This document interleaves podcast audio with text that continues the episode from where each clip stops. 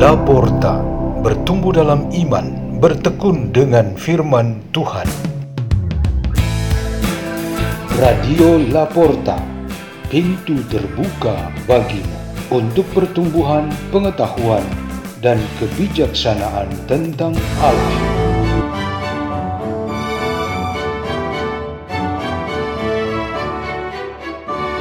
Bersama tim Laporta, asuhan Peter Tukan, biarawan SDB Salesian Don Bosco.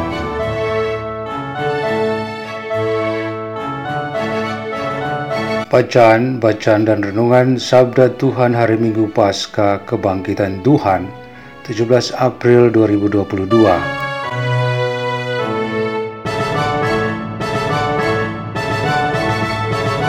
Bacaan dari Kisah Para Rasul bab 10 ayat 34a 37 sampai 43 Sekali peristiwa Allah menyuruh Petrus pergi ke rumah perwira Cornelius di sana Petrus berkata, "Kamu tahu tentang segala sesuatu yang telah terjadi di seluruh tanah Yudea, mulai dari Galilea sesudah pembaptisan yang diberikan oleh Yohanes, yaitu tentang Yesus dari Nazaret.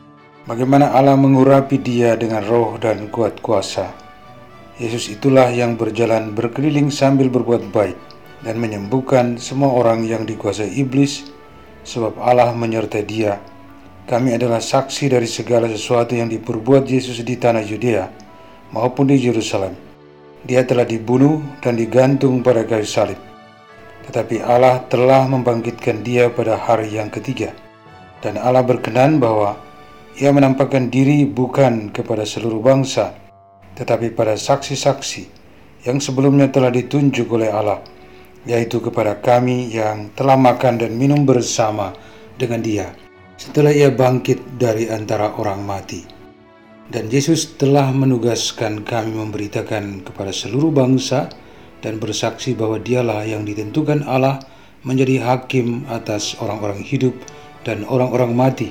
Tentang dialah semua nabi bersaksi bahwa barang siapa percaya kepadanya ia akan mendapat pengampunan dosa oleh karena namanya.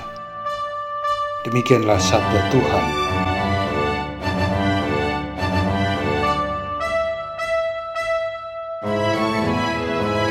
Bacaan dari surat Rasul Paulus kepada jemaat di Kolose bab 3 ayat 1 sampai 4. Saudara-saudara, kamu telah dibangkitkan bersama dengan Kristus, maka carilah perkara yang di atas di mana Kristus berada, duduk di sebelah kanan Allah. Pikirkanlah perkara yang di atas, bukan yang di bumi. Sebab kamu telah mati dan hidupmu tersembunyi bersama dengan Kristus dalam Allah. Kristuslah hidup kita. Apabila ia menyatakan diri kelak, kamu pun akan menyatakan diri bersama dengan dia dalam kemuliaan. Demikianlah sabda Tuhan.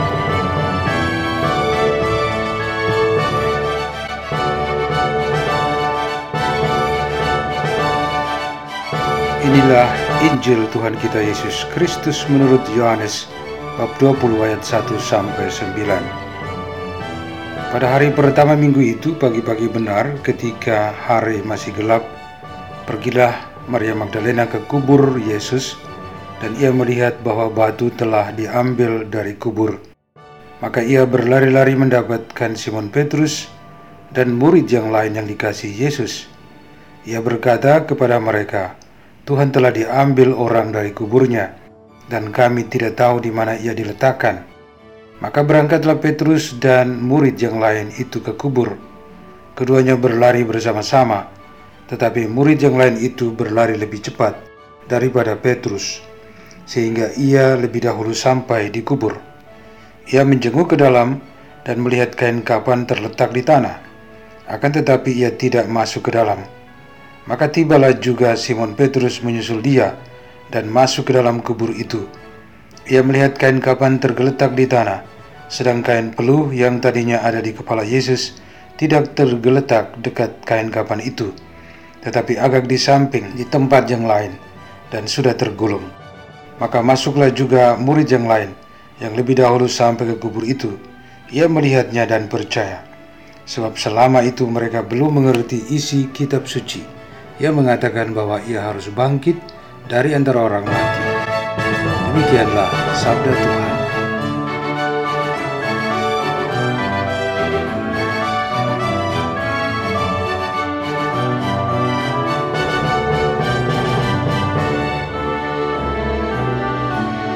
Renungan kita pada hari Minggu Paskah ini bertema Kita bersorak, Haleluya.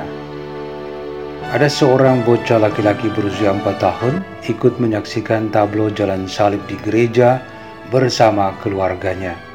Ia ditemani kedua orang tuanya dan kakaknya perempuan. Kakek dan neneknya juga ikut. Mereka satu keluarga lengkap menghadiri ibadat Jumat Agung pagi itu.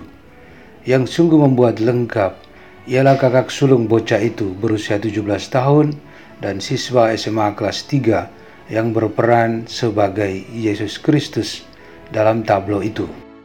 Bocah itu mulai menangis ketika melihat kakaknya disiksa, dipukul, diinjak, memikul salib kayu hitam, dan dipaksa untuk berjalan.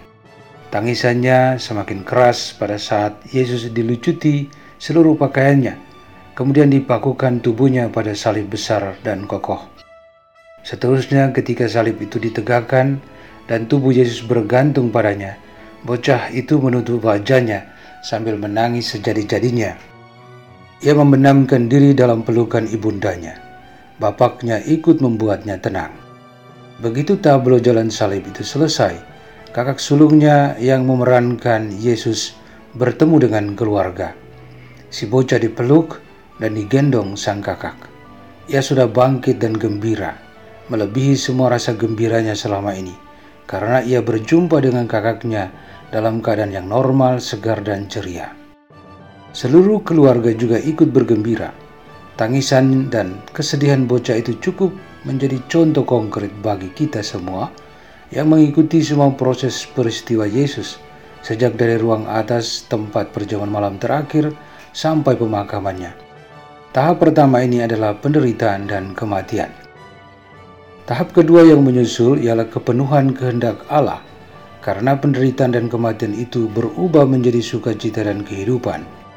Suasana dan pengalaman yang menyelimuti seluruh kehidupan lahir batin kita yang menjadi buah perubahan ini ialah sorak-sorai di seluruh alam semesta. Haleluya. Kehidupan dan keselamatan untuk memiliki karunia kehidupan abadi menjadi milik kita. Pengalaman Yesus adalah sebuah kenyataan yang telah disiapkan oleh Tuhan melalui penciptaan manusia, kejatuhan di dalam dosa, keluarnya bangsa terpilih dari Mesir, pewartaan para nabi, dan sampai puncaknya pada peristiwa kedatangan Yesus, orang Nazaret. Seluruh pengalaman itu sepatutnya menjadi model bagi perjalanan hidup setiap pribadi kita dan komunitas orang beriman.